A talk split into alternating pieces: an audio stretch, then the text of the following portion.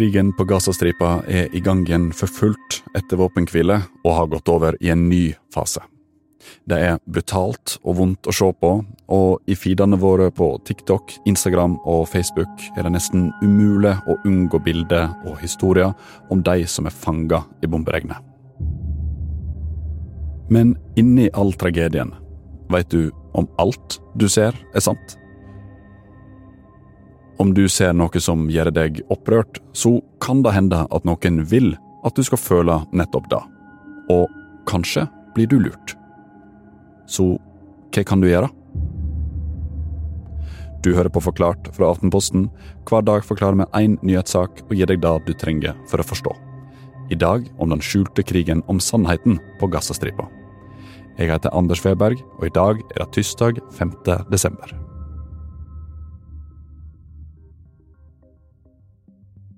Hanne Kristiansen, du er Midtøsten-korrespondenten vår og har levd relativt tett på denne krigen i snart to måneder nå.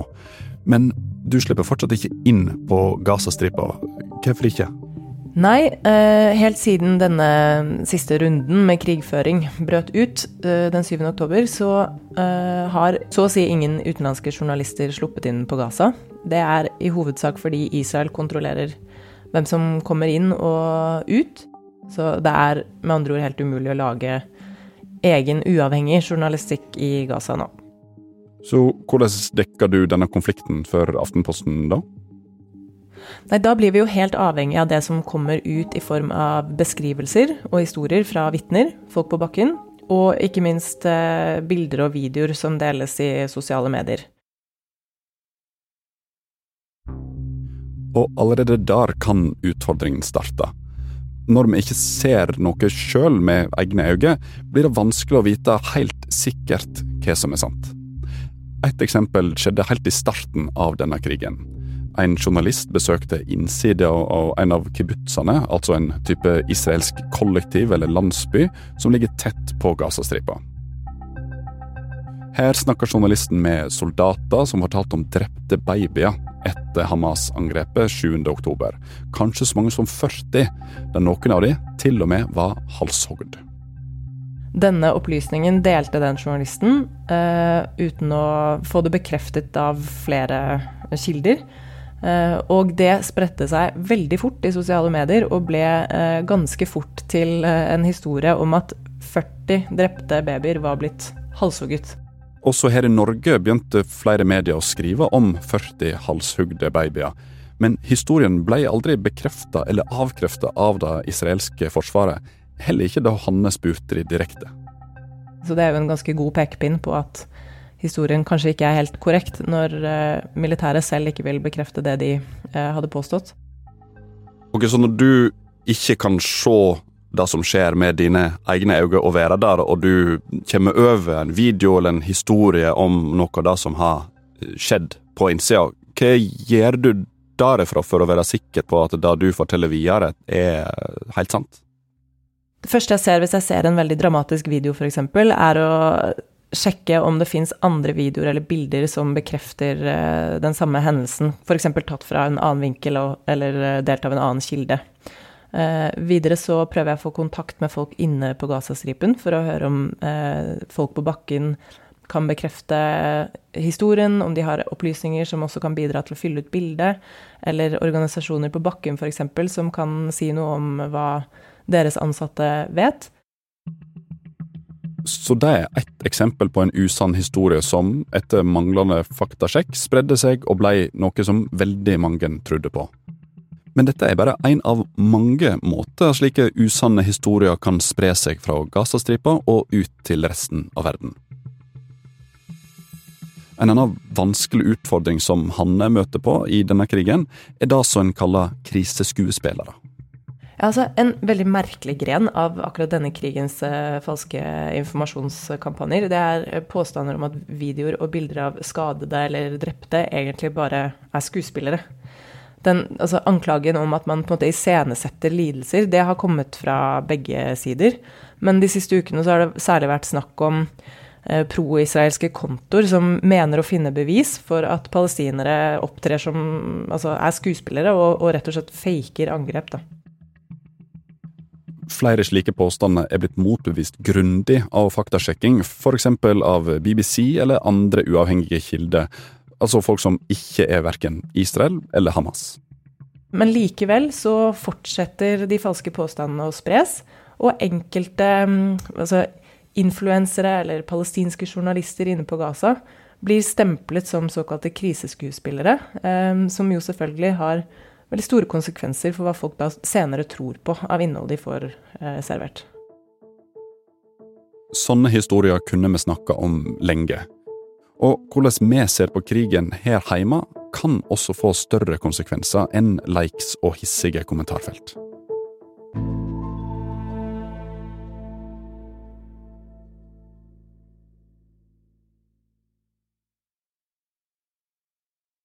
Så jeg sitter sånn her. Det, det er helt supert.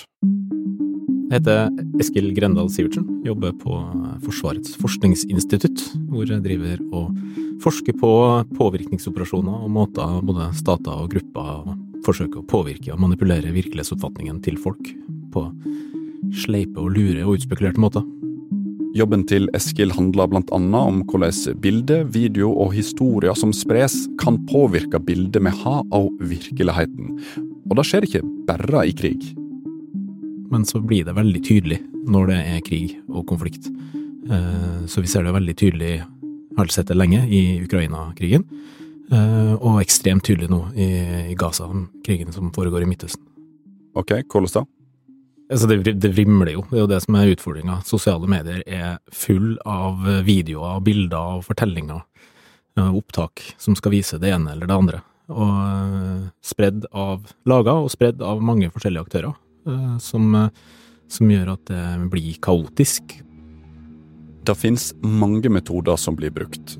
For eksempel, du sitter hjemme en kveld og scroller på TikTok eller Instagram, og så får du opp en video som viser en nedbomba by, en støvete sko som ligger på bakken, og i bakgrunnen så hører du rop, gråting og skriking. Og captionen på denne videoen forteller deg at eh, det er fra innsida på Gazastripa, en video tatt for noen dager siden. Men egentlig viser denne videoen noe som skjedde i Syria for fire år siden. Hendelsene ligner jo, og det er utvilsomt snakk om tragiske historier, men den videoen stemmer jo ikke for det som skjer akkurat nå. Og slik kan helt ekte videoer og bilder bli plassert i en annen kontekst for å fortelle ei historie som ikke er helt sann og dette kan spre seg raskt, enten fordi folk ikke veit bedre når de deler, eller så blir det spredd med vilje. Og det er to land som bruker disse metodene spesielt aktivt, ifølge Eskil. Eh, det vi skiller med sånn i vår forskning, er å se på når aktører som, som spesielt Russland og Kina um, lyver og, og, sprer falske påstander og bevisst manipulerer virkelighetsoppfatninger og gjør det skjult og fordekt eh, gjennom det vi kaller proxy-aktører, altså andre aktører som, som, ser ut som de er tilsynelatende altså, troverdige og uavhengige, men som, som egentlig er tilknytta Kina eller Russland. Um, sånn, hvor bruker det vi kan kalle illegitime metoder, falske profiler osv. For, for, for å få folk til å ha mer tillit til de budskapene som de blir utsatt for. Vi stoler mer på et budskap hvis det kommer fra noen som vi har tillit til, eller som har et I Norge, for eksempel, så stoler vi nok mer på Geir Hansen fra Lørenskog enn eh, Pjotr et eller annet eh, fra St. Petersburg når det gjelder budskap knytta til, til, Russland eller krigen i Ukraina, for eksempel. Så derfor så bruker man noen falske profiler, blant annet, for å, for å spre sånne budskap. Du snakker mye om Russland her, og det gjør en jo gjerne når en snakker om eh, å manipulere sannheten. Hvor viktig har de vært i utviklingen av disse metodene som i dag blir brukt for å aktivt flytte litt på verdensbildet til folk? Jeg vil si at de har i stor grad uh, funnet dem opp og, og foredla dem inntil uh, teknikker som andre også plukker opp og, og tar i bruk. Ikke at det er så nødvendigvis så veldig avansert det de gjør, men eh, de kan gjøre det på fiffige måter og, ha ressurser som stilles bak. Og bruke det til å skape forvirring, eh, ikke nødvendigvis sånn, både til å forsøke å få folk til å tro på en, en løgn eller en halvsannhet, men også til å skape forvirring og få folk til å tvile på hva som egentlig er sant, fordi det er så mange forskjellige alternative forklaringer som, som produseres. Eh, og disse teknikkene og virkemidlene ser vi jo at andre aktører også tar i bruk. Vi ser Kina gjør det samme, eh, Iran en annen aktør som gjør det, og vi ser det også nå i Midtøsten at aktører der gjør det. Når et land er i krig, kan de ha særlig interesse av å skape et bilde av sannheten som tjener deres egne interesser.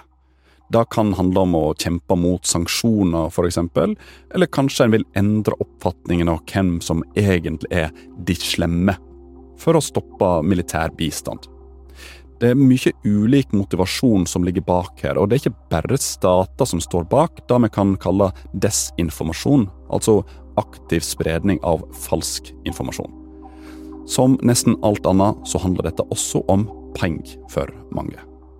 Veldig mye av den desinformasjonen og innholdet vi ser som spres på internett, er laga av kommersielle aktører som skal trekke lesere og seere inn til sine nettsider for å tjene annonsekroner, eller som har en interesse av å få besøkende på sin YouTube-konto eller TikTok-konto.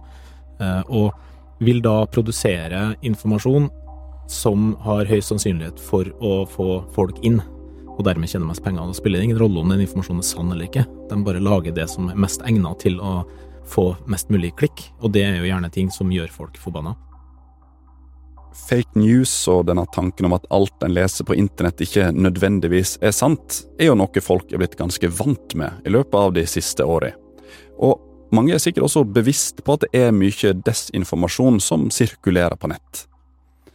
Men så er det sånn at stadig flere tilbringer mer tid på internett, og da er det kanskje ikke så lett som en skulle tro å skille løgn ifra sannhet. For vi tror jo gjerne at vi er mer rasjonelle og objektive enn det vi er. Vi er jo mye mer følelsesstyrt og styrt av underbevisstheten vår enn det vi egentlig er klar over.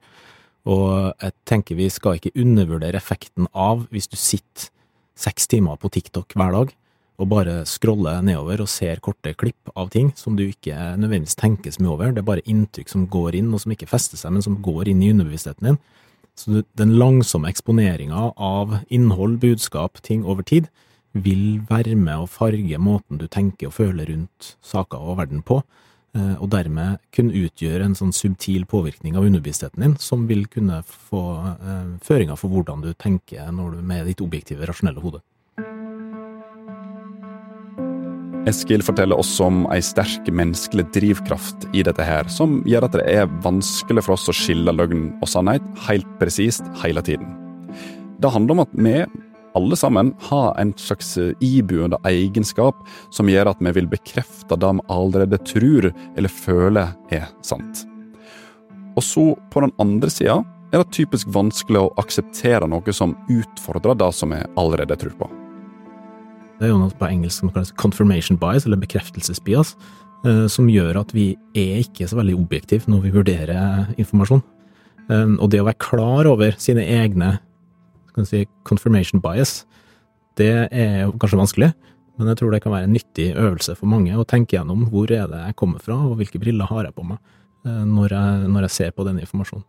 Så det som, det som kan være opprørende for én, trenger jo ikke å være det for den andre. Men fellesnevneren for spredning av mye desinformasjon er jo ting som gjør deg sint, eller at du tenker hvis pokker, det var det jeg skjønte, det er så typisk, eh, så kan jo det være indikatorer på at eh, noen forsøker å få deg til å klikke og gå inn og bli engasjert i noe som, som, kan, som har en emosjonell trigger, som ofte er inngangen. Trenger ikke å være det, men ofte så er det.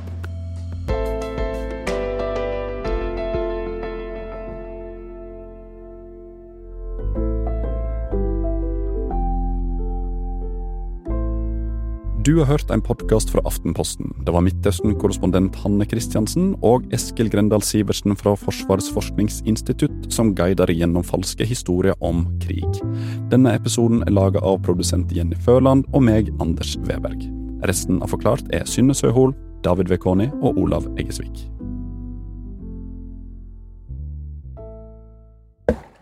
I Norge elsker vi når kongen tar trikken. Velkommen eh, hjem til meg her på Ildseng. At Erna spiller Candy Crush sånn som oss. Den beste boken du har lest, eh, det er alle Harry Potter-bøkene. Men hvorfor later politikerne som de er som folk flest? Elite, jeg? Nei. Hør sesongens siste dypdykk om elita hos Aftenposten eller Podme.